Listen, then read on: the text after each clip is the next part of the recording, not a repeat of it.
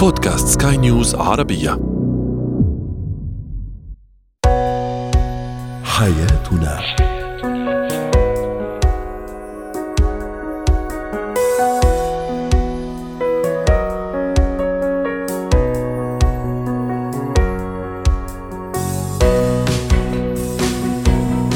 مستمعينا الكرام أهلا بكم معنا إلى حياتنا فضاؤكم اليومي الذي يعنى بشؤون الأسرة وباقي الشؤون الحياتية الأخرى والذي يمكنكم الاستماع إليه عبر منصة Sky News Arabia dot com slash podcast وباقي منصات سكاي نيوز عربية الأخرى. شاركونا عبر رقم الواتساب 00971 561 88 ثلاثة. معي أنا ابتسام العكريمي.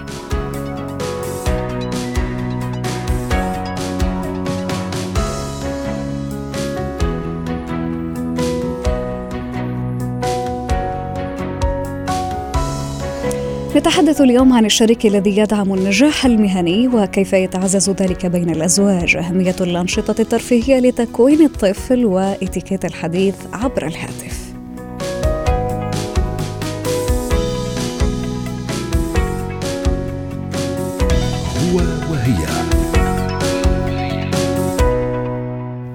شريك الحياة يجب أن يكون شريكا في كل شيء فعليه أن يدعم نجاح شريكه في كل وقت وأن يكون شريكا في نجاحاته لأن هذا النجاح هو نجاح لهما معا وللأسرة ككل التي هي فريق واحد من الزوج والزوجة والأبناء. يعني نجاح المنظومة الأسرية ككل. طرحنا سؤالنا التفاعلي كيف تدعم الشريك الطموح على النجاح مهنيا؟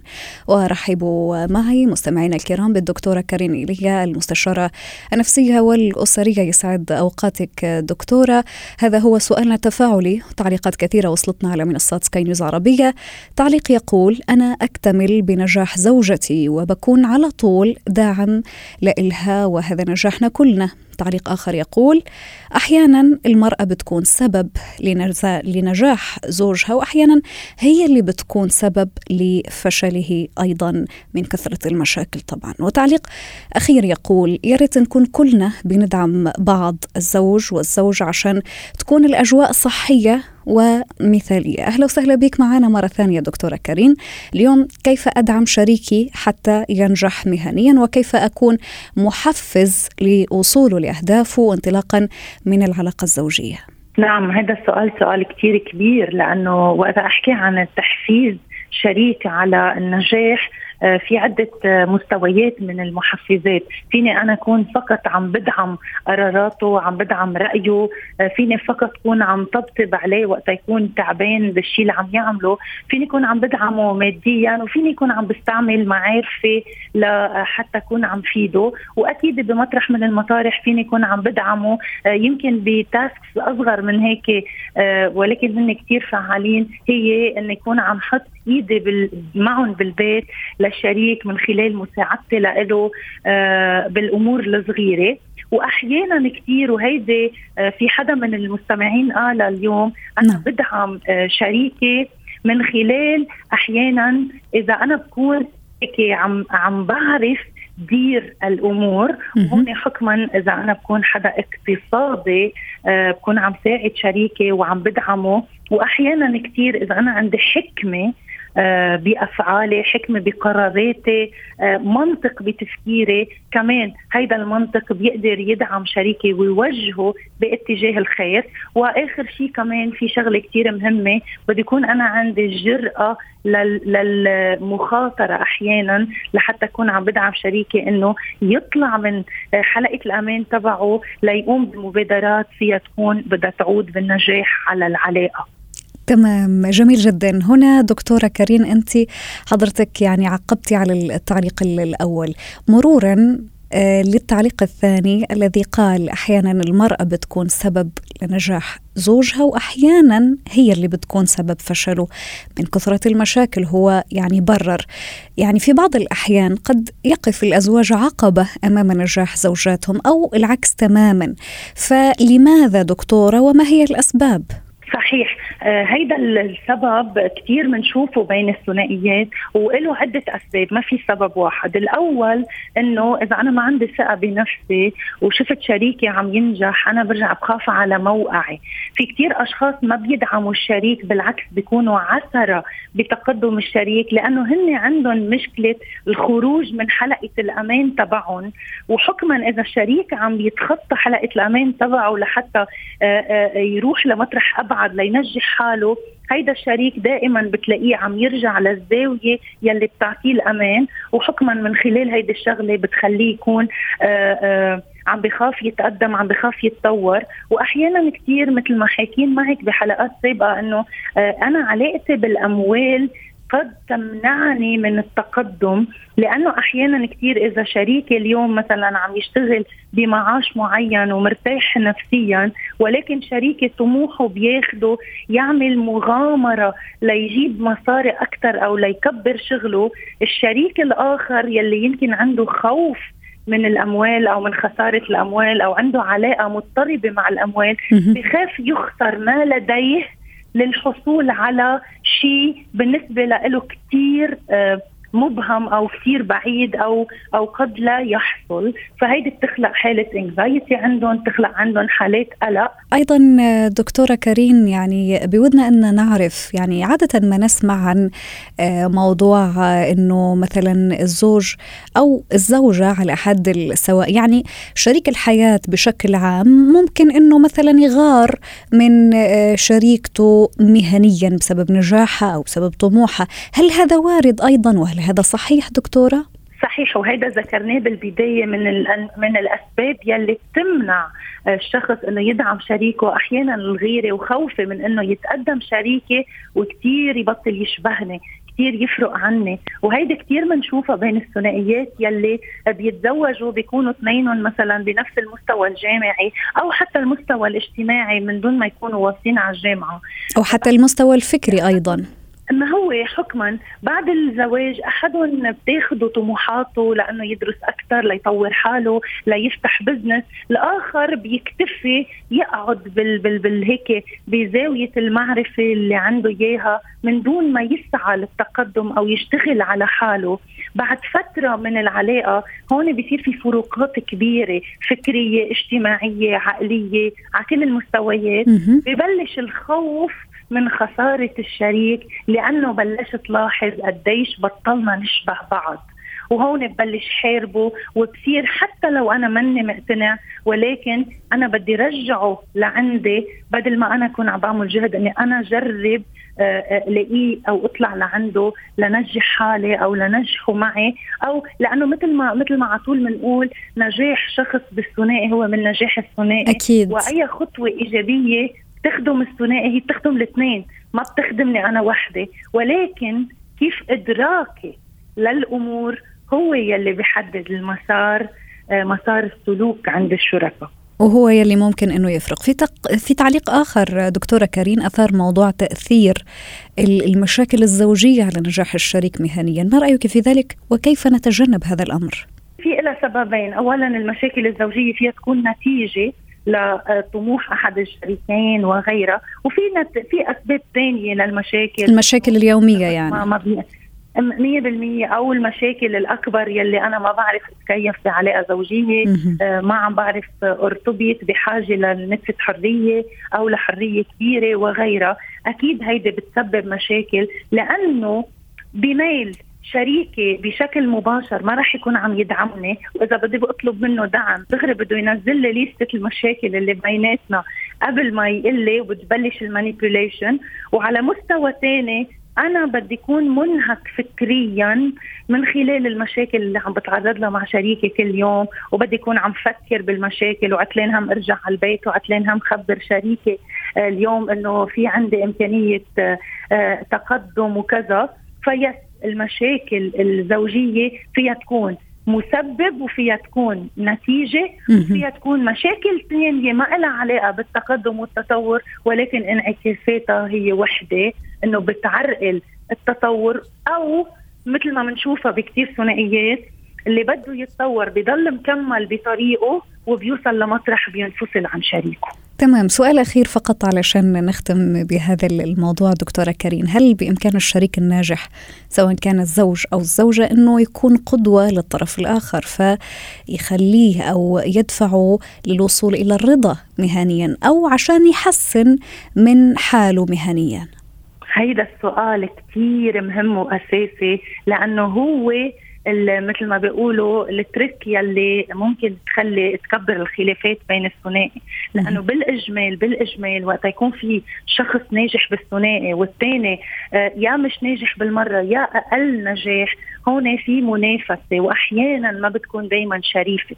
بتكون منافسة فيها آه، فيها آه، غيرة فيها مشاكل. فأنا هون كثير دقيق وضعي كشريك ناجح ما بدي بين عندي فوقيه على شريكي الآخر من خلال يمكن إذا بدي أنصحه لأنه بصير إيه أنت الناصح وأنت الشاطر وأنت الذكي وأنا اللي هيدي بتخلق مشاكل. لهالسبب كثير مهم يعرف يشوف من أي زاوية تو ابروتش شريكه أو بهيدي الحالات كثير ضروري يستشيروا متخصصين والمتخصص بيضوي على النقاط الإيجابية عند كل شخص وساعتها بيرجع بيستعمل نقاط القوة لحتى يدعم هيدا الشريك ويدفشه لحتى يكون عم بيلحق شريكه بالنجاح ولحتى يكونوا عم بيحققوا طموح سوا. تمام. شكرا لك دكتورة كارين إيليا المستشارة النفسية والأسرية على كل هذه النصائح الثمينة ويعطيك ألف عافية. زينة الترفيه مهم في حياة الطفل ومن دون أي نوع من الترفيه سيصاب الأطفال بالإحباط والملل. لهذا تلعب الأنشطة الترفيهية دورا مهما في عملية تنشئة الطفل. ككل أيضا تساعد الطفل على تنمية مهاراته تساعده على تعلم أشياء جديدة واكتشاف العالم من حوله وأيضا ربما يعني يساعد هذا الموضوع الطفل على التحسين من عملية التواصل سواء يعني تحدثنا هنا عن التواصل اليومي تواصل الطفل التحسين من عملياته الإدراكية أو حتى من علاقاته الاجتماعية مع أصدقائه. يمنح الترفيه والاستجمام. الآباء أيضا فرصة للراحة من أطفالهم أثناء انشغالهم بأنشطتهم الترفيهية. رحبوا معي مستمعينا الكرام بالدكتورة ريم صابوني الاستشارية النفسية والتربوية. أهلا وسهلا بك معنا دكتورة ويسعد أوقاتك. تعليم الطفل أنشطة ترفيهية سواء في المدرسة أو في البيت مهم جدا لنشأته بشكل متوازن. فأين تبرز هذه الأهمية وكيف تعود بالنفع عليه في مراحل أخرى دكتورة؟ طبعا نحن الآن معروف نحن في موسم الإجازات الصيفية والكل آه، يندفعون ل يعني استغلال أوقات اطفالهم أفضل استغلال.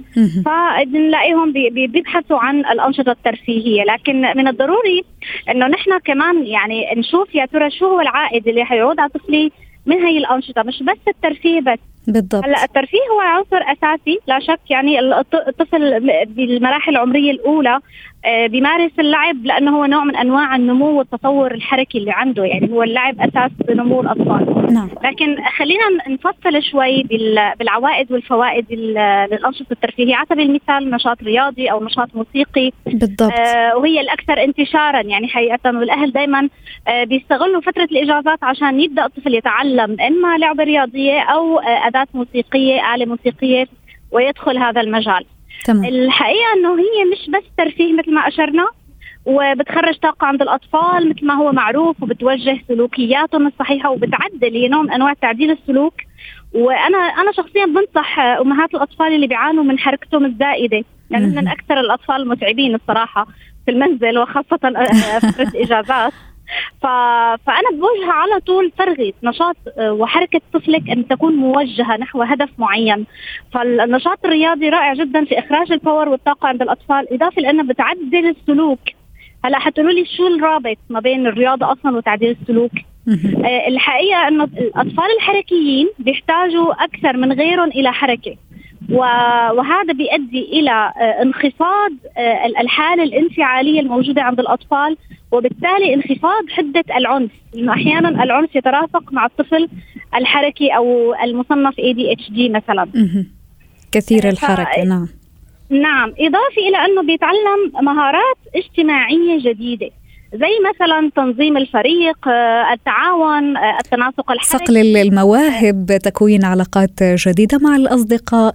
أيضا بودي أن أعلم من حضرتك دكتورة ريم آه، هذه الأنشطة الترفيهية هل تساعد أيضا اليوم الطفل في التحصيل العلمي في حد ذاته؟ يعني مثلا الطفل يقال أنا أسمع يعني الكثير من الناس يتحدثون عن أنه الطفل إذا أنت حبيته اليوم يعني يدرس ويجتهد لابد أنك كمان توفر له يعني أنشطة ترفيهية ما رأيك في ذلك؟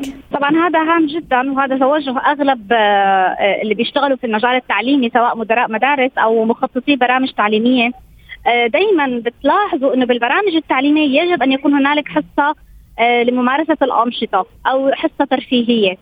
آه، وجودها طبعا آه، مش اعتباطي وإنما يعني لا يقل أهمية عن بقية المواد الدراسية الحقيقة. لأنه إذا الطفل أساسا هو لم يتم تفريغ طاقته ولم يتم كمان حصوله على الإشباع من ناحية اللعب ك النمو وكمان هو ما حصل على كمية كافية من الثقة بالنفس يعني by the way لأنه هي الأنشطة تعطي الطفل ثقة بالنفس و, و آه، آه، تقديره لذاته. إنه أنا قادر على الإنجاز فيما بعد أستطيع أن أتلقى المواد العلمية بطريقة أبسط وأسهل. اضافه إلى انه في أشياء يمكن ما تكون آه، واضحة للجميع. على سبيل المثال تعلم الموسيقى. البعض يظن إنه هو مجرد أمر ترفيهي أو إنه هو والله موهبة يعني ينميها الطفل. الحقيقة لا. العلماء وجدوا بأن منطقة تعلم اللغة قريبة جدا من منطقة تعلم الموسيقى. فكل ما كان الطفل يتعلم آه، آه، آه، قراءة النوتة أو على سبيل المثال يتعلم العزف على العزف على الآلات الموسيقية نعم. بالضبط. كلما تنمى عنده القدرة اللغوية لأن الموسيقى هي لغة بحد ذاتها. فالمناطق قريبة من الدماغ فكلما تحفزت هاي المناطق كل ما كان أفضل. اضافه إلى أنه سبحان الله الموسيقى تحتاج إلى تآزر ما يسمى تآزر أو تناسق ما بين حركة العين واليد. والتآزر هذا أصلا هو أساس الكتابة والقراءة تناسق ما بين حركة عيني وإيدي. فالموسيقى بتشتغل على هاي المنطقة كمان. جميلة هذه المعلومات منك دكتورة. نعم نعم نعم. هي هي يعني للأسف مش كثير موجودة عند الأهل. لكن أنا بقول لهم على فكرة الموسيقى مو بس نحن مثل ما بنعرف انه هي بتقلل توتر عند الأطفال وبتنمي له مواهبهم لكن حتى لو طفل يعني ما عنده ميول موسيقية آه طبعا ممكن ممكن أحاول أشجعه. نعم. إنه هذا الشيء رح يعود عليه بالفائدة بمناطق أخرى في الدماغ مش بس مش بس ضروري يكون عنده ذكاء موسيقي يعني نحن نعرف الذكاءات ثمانية. آه، إحداها الذكاء الموسيقي وهي قريبة جدا من الذكاء اللغوي. طب إذا طفلي مش ذكاء موسيقي مش بالضرورة بقول إنه معلش خليه على الأقل يبدأ أن يجرب بعزف آلة قراءة نوتة آه، حتى هي بتساعده بالتفكير المنطقي والرياضي بالمناسبة لأنه هي كمان عبارة عن رموز والرموز يحتاج العقل إنه يفكها ويترجمها. فهي كلها هي بتشج بتحفز النشاط الذهني مش لدى الأطفال. بتخليه و... نعم. وهذا أيضا طبعا يعود بال... بالنفع على الطفل في حياته اليومية وحياته الدراسية وأيضا على الآباء بشكل عام. شكرا لك دكتورة ريم على كل هذه المعلومات والنصائح لحلقة اليوم الاستشارية النفسية والتربوية. يعطيك ألف عافية.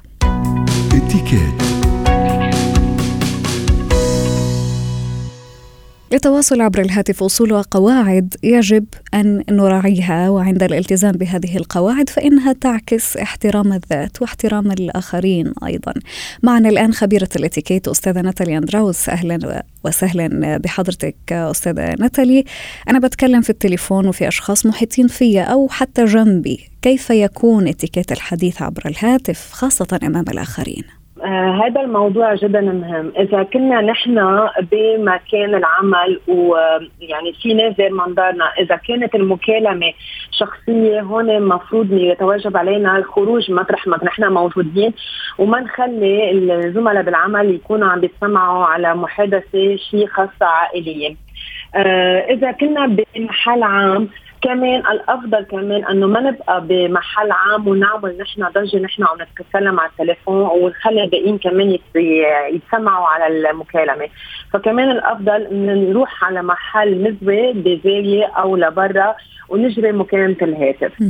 يعني نبتعد قليلا عن الأشخاص عشان نحكي براحتنا. طيب إذا كنت أنا المتصل أيضا أستاذة نتالي هل لازم علي أنا كمان إني أنهي المكالمة وليس الشخص المتلقي لهذه المكالمة؟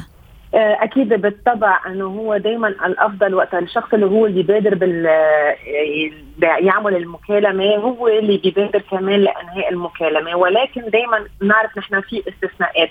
يعني نحن إذا الشخص المتلقي للمكالمة إذا كان في عنده آه، شيء اضطراري أو وقته ضيق أو يعني منه قادر يكمل بالمكالمة والشخص اللي هو بادر بالمبادرة بالمكالمة الهاتفية آه، ما يمكن عنده فكرة إنه أنت شو وضعك. فهون فينا نسمح لحالنا انه نعتذر. بس هو كثير مهم هون يتم الاعتذار منه للشخص اللي هو اللي بادر ونقول له إنه نحن مشغولين نعطيه شو هو السبب إنه نحن بدنا نخلص المكالمة ما المكالمة تمام إذا صاروا أنا مثلا لم أستطع أني أبتعد عن الأشخاص المحيطين بي علشان أجري هذه المكالمة الهاتفية هنا نبرة الصوت كيف لابد عليها أن نعم. تكون؟ أكيد إحنا بنعرف التليفونات مجهزة بيكون بميكروفون عالي. يعني بتحكي أنت على صوت واطي بس الشخص المتلقي بيقدر يسمعك على صوت عالي. فأكيد كثير ضروري نحن نحكي بنبرة آه، واطي بس ما تكون كمان واطي جدا. يعني تخيلي ابتسام أنا عم بحكيكي هيك عم تسمعيني شيء هلأ؟ يعني قليلا. عم عم حاول أعمل demonstration للموضوع فلازم يكون الصوت أكيد دائما واضح للشخص المتلقي بس ما يكون نبرة عالية. هون بدي نوه ابتسام في شغلة بنوقع فيها يمكن حتى أنا شخصيا. آه، بوجود هلأ ال AirPods آه، اللي هم بيعطوا نقاوة صوت كثير عالية. بنعرف كثير منيح وقت بيكون الصوت عالي بدينيكي هذا تلقائيا بي بي بيخلي الشخص يحكي بنبرة صوت عالية. يعني إيه، بالضبط بالضبط. اسمه mirroring يعني اسمه أنت عم تعملي mirroring للشخص الآخر. فكثير مهم نحن هون نكون في عنا وعي وإدراك للموضوع إنه نحن ننتبه ما ننجر ونعلي صوتنا. يعني نجرب دائما نكون منتبهين على نبرة صوتنا متحكمين فيها. خاصة لما تكون يعني المواضيع ليس علي أن آه، أنفعل في آه، وسط الأشخاص المحيطين بي. شكرا جزيلا لك خبيرة الإتيكيت أستاذة ناتالي أندراوس على كل هذه المعلومات فيما يخص فن الإتيكيت ويعطيك ألف عافية.